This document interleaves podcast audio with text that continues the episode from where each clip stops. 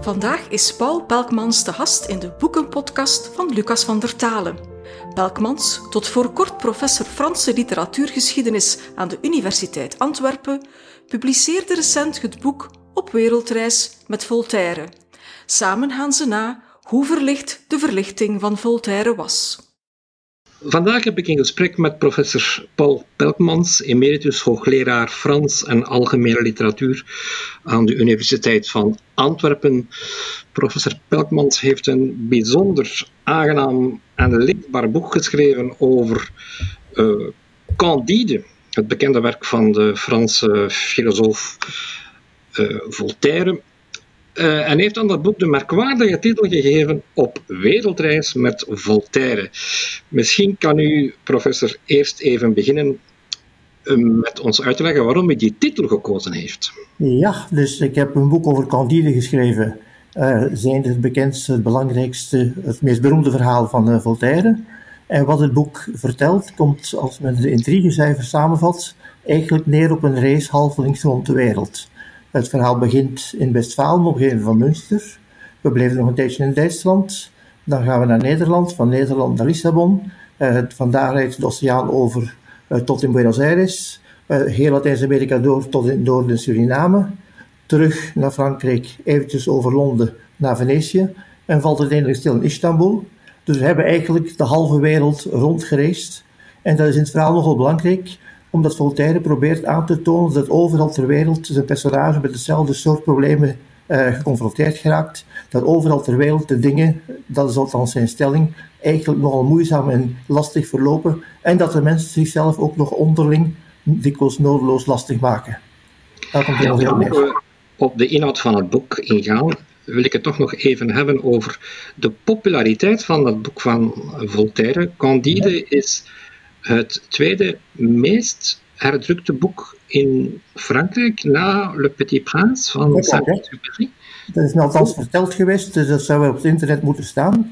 En dat kan ook makkelijk te, uh, te controleren. Uh, dus natuurlijk zit, ligt het voor een deel ook aan het feit dat het allebei al korte werkjes zijn, bij gevolg dingen die vlot lezen. En dat sommige andere teksten die even populair zijn waarschijnlijk, de Vader van Fontaine of zo, dat die meestal in losse verslaafden gelezen worden. Terwijl de Prince en de wereldreis van uh, Voltaire toch wel een hele lectuur vragen. Maar uiteindelijk voor... Het is een van de drie of vier teksten uit de Franse uh, ancien regime tijd, uit de tijd van Louis XIV, Louis XV, de jaren van de revolutie. Een van de teksten die eigenlijk nog altijd bij een breed publiek gelezen worden. En dus volgens mij een ideale tekst om de verlichting voor te stellen. Dat is al een heel interessant uitgangspunt, maar misschien eerst eens iets vertellen over de figuur van Voltaire. Want Voltaire is iemand die wij natuurlijk associëren aan Candide, maar hij was veel meer dan dat. Hij was ook bijvoorbeeld een, een heel belangrijk auteur van toneelstukken. Ik wist niet dat hij er zoveel geschreven had. Ja, ongeveer een dertigtal. Ja, Voltaire heeft zijn hele leven duidelijk heel hard gewerkt. En tegelijkertijd nog een tijd gevonden ook in de grote wereld, erin met allerlei zoons en dergelijke meer. Hij had in feite twee ambities. De ambitie enerzijds om een groot toneelauteur te worden, even groot als de grote Franse 17e eeuw zoals de Grieken. Uh, die ambitie leek in zijn tijd te lukken, maar dat theater is ondertussen eigenlijk zo goed als vergeten, wordt alleen door specialisten gelezen. En omgekeerd, de tweede ambitie, de ambitie de verlichte gedachte in Frankrijk uh, voet aan de grond te doen krijgen, te populariseren, naar een groot publiek te brengen. Heeft eigenlijk niet echt heel nieuwe dingen bedacht, maar ongeveer alles wat er in zijn tijd aan nieuwe gedachten was, is in zijn werk wel samengevat en heel toegankelijk gemaakt voor een breed publiek. Met de nuance dat breed natuurlijk een halte betekent in de 18e eeuw min of meer elitair. We moeten ons geen auteur voorstellen die zich tot de boeren in Frankrijk richt of zelfs tot uh, mensen in de kleine steden. Het gaat om Parisiens, het gaat om de adel. Maar binnen die kring kon iedereen eigenlijk de recentste gedachten in Europa op een toegankelijke manier in het van Voltaire te lezen krijgen. Maar Voltaire is in feite, zoals u net zegt, een soort overgangsfiguur. Hij is wel door de Franse revolutionairen een aantal jaren na zijn dood in het Panthéon bijgezet, ja. maar hij was absoluut geen revolutionair. Hij was echt een kind van zijn tijd, maar toch een overgangsfiguur. Kunt u daar ja. even op ingaan? Dus kind van zijn tijd in alle betekenissen, met de soort ambities die een uh, hoogbegaafde uh, burgerzoon in vroeg Frankrijk kon hebben, namelijk doordringen in de grote wereld en daar min of meer uh, ontvangen worden, zich een naam maken via literatuur enzovoorts. Maar in zijn geval dus het nieuwe in, in heel de onderneming is dat hij enerzijds erin slaat effectief helemaal van zijn pen te leven en er nog zelfs een klein fortuin mee te verdienen ook. En anderzijds eigenlijk voortdurend heel gewaagde ideeën zo te formuleren dat die eigenlijk zijn carrière niet schade en tegelijkertijd toch naar die Franse elites doorcijpelde. welke, welke, ideeën zijn dat dan die hij heeft uh, laten doorcijpelen in die maatschappij? Ja, dat zijn ongeveer alle ideeën van de verlichting. Het belangrijkste is het, uh, waarschijnlijk het idee van tolerantie. Uh, dus het wederzijds verdraagzaam omgaan met alle afwijkende meningen van ongeveer iedereen. Hè? Dat is het bekende woord. Ik ben niet akkoord met u, maar ik wil mijn leven geven, ik wil ervoor strijden dat u het minstens mag zeggen dat niet voort. Twee, de aanval die ermee samenhangt op de gevestigde religies, altijd verdacht van fanatisme. En drie, en waarschijnlijk het belangrijkste, het idee dat je in de wereld als mens compleet ongeremd in alle richtingen je gang moet kunnen gaan, zonder je uh, op welke manier er ook gebonden te voelen aan iets als tradities, aan iets als gevestigde normen of aan een mogelijke door, uh, door God gewilde orde. Er is eigenlijk helemaal niks in de wereld wat jou als individu, als enkeling normeert. Integendeel, uh, alle, elke poging om in die wereld zin en samenhang te ontdekken, die ontdekt eigenlijk maar een reeks toevalligheden. En dus ben je volkomen vrij om te doen wat je wil doen. En dat is eigenlijk de kerngedachte. De rode draad in, in Candide, wat zich ook vertaalt in de ondertitel, is eigenlijk een, een, bijna een pamflet tegen de theorieën van de filosoof Leibniz, ja. uh, die eigenlijk een, wat hij dan noemt, een optimistische visie op de wereld had. Wij leven, in, dat is ook een bekende uitspraak natuurlijk, wij leven in de beste van de werelden. En ja. de gedraagt zich in feite als een soort, ik zou bijna zeggen, een, bijna een naïeve stripfiguur, mm -hmm. uh, de hele wereld rondreist, altijd met dat idee in zijn hoofd dat we in de beste van de werelden leven en telkens wordt hij geweldig ontgoocheld. Dus het is in feite een pamflet tegen dat optimisme. Absoluut, absoluut. Waarom? Eh, dus optimisme, ja, om te beginnen uiteraard, dus de theorie van Leibniz is veel gecompliceerder wat Voltaire ervan maakt. Hij maakt een soort van karikatuur van doelbewust. En eigenlijk, eh, wat hij daarmee probeert aan te vallen, is het idee dat de wereld van bovenuit door een voorzienigheid ten beste geregeld is. Uh, dat was een traditionele overtuiging. Dat was iets wat in alle kerken in ongeveer alle religies gepredikt werd. Leibniz is geprobeerd van de loop filosofisch te onderbouwen. En het gevolg daarvan was natuurlijk ook altijd dat al wat in de wereld gebeurde, dat dat geacht werd door God gewild te zijn en dat je dus ook geacht werd van dat te respecteren. Voltaire wil dat aanvallen, maar om daar een karikatuur van te kunnen maken, om eigenlijk die idee van een noodzakelijke onderwerping aan de voorzienigheid, om die uh, helemaal onderuit te halen, uh, kiest hij voor de theorie van Leibniz, omdat die eigenlijk daar heel ver in gegaan was, omdat hij die vooral op een heel optimistische manier verwoord had, God regelt alles ten beste. En dan was natuurlijk voor een filosoof Voltaire niet moeilijk om een verhaal te bedenken waarin zijn hoofdpersonage van het ene ongeluk in het andere versukkelt en op die manier aan de lijf ondervindt dat er geen lijn of geen hogere of diepere betekenis in de wereld te vinden valt.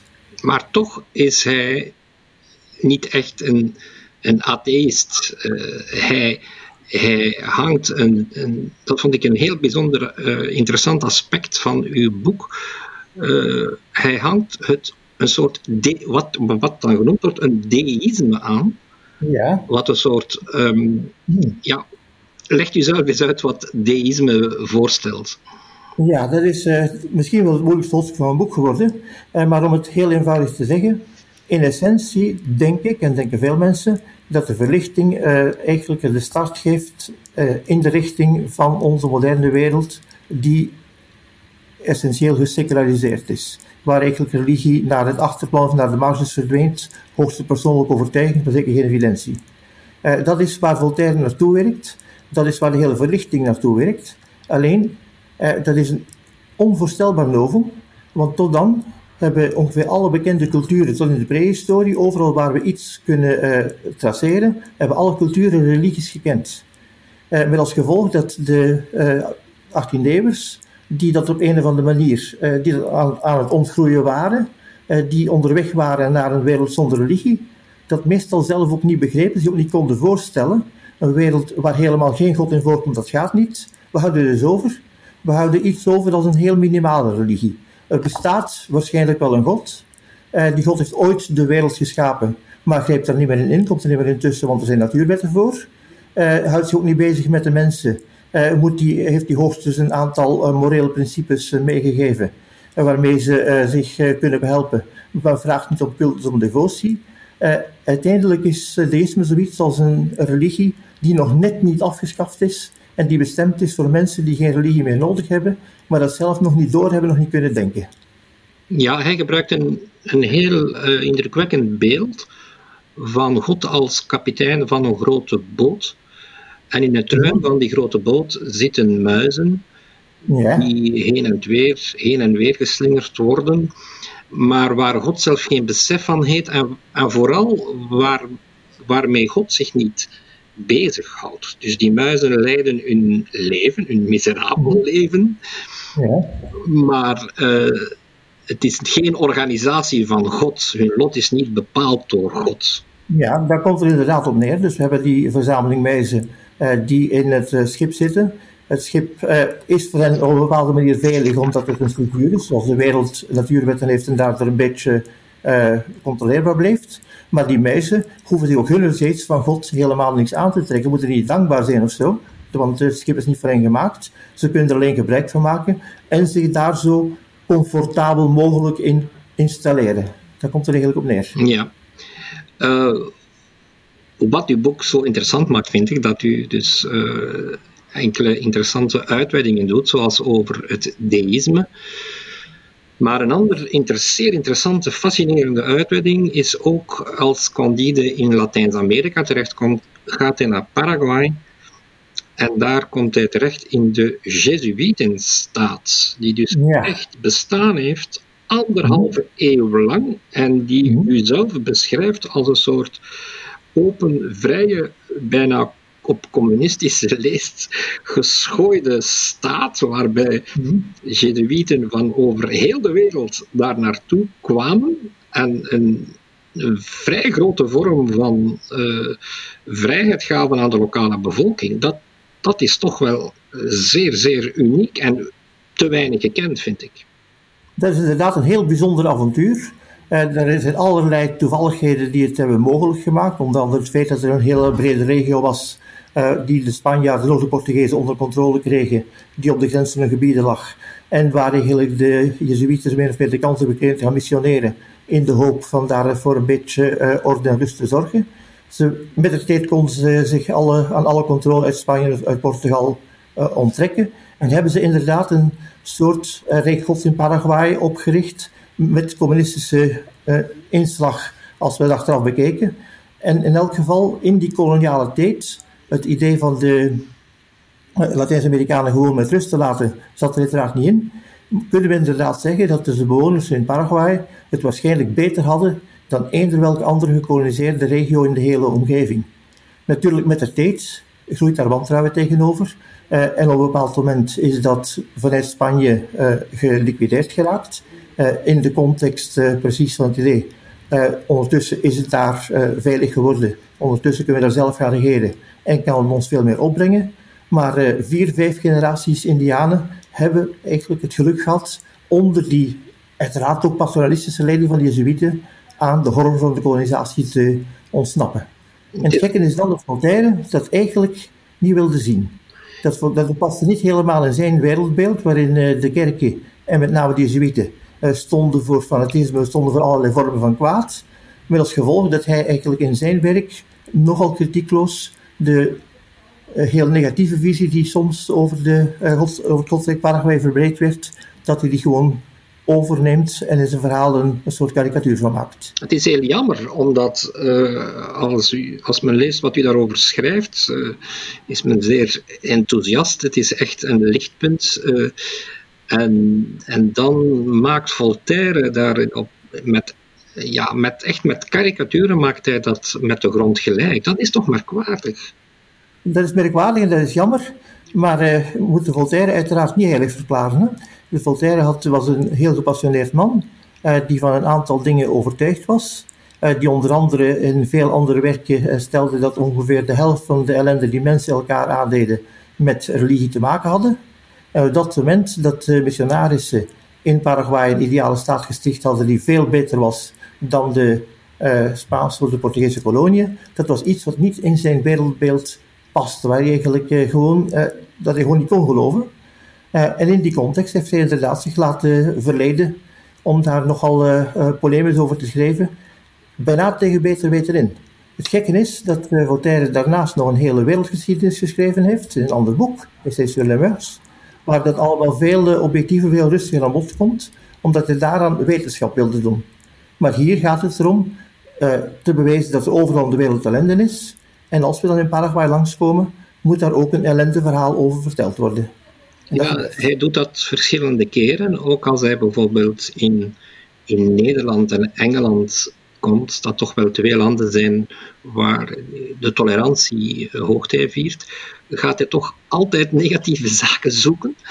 Om, uh, alsof hij geen lichtpunten wil zien, om dan zo te evolueren naar het einde van zijn, van zijn boek. Dus echt objectief is hij niet in die... Nee, objectief is hij niet. En dat is ook niet de bedoeling. Het verhaal uh, probeert een bepaalde wereldvisie onderuit te halen. De wereldvisie, het, het idee dat alles overal uh, ten beste geregeld is.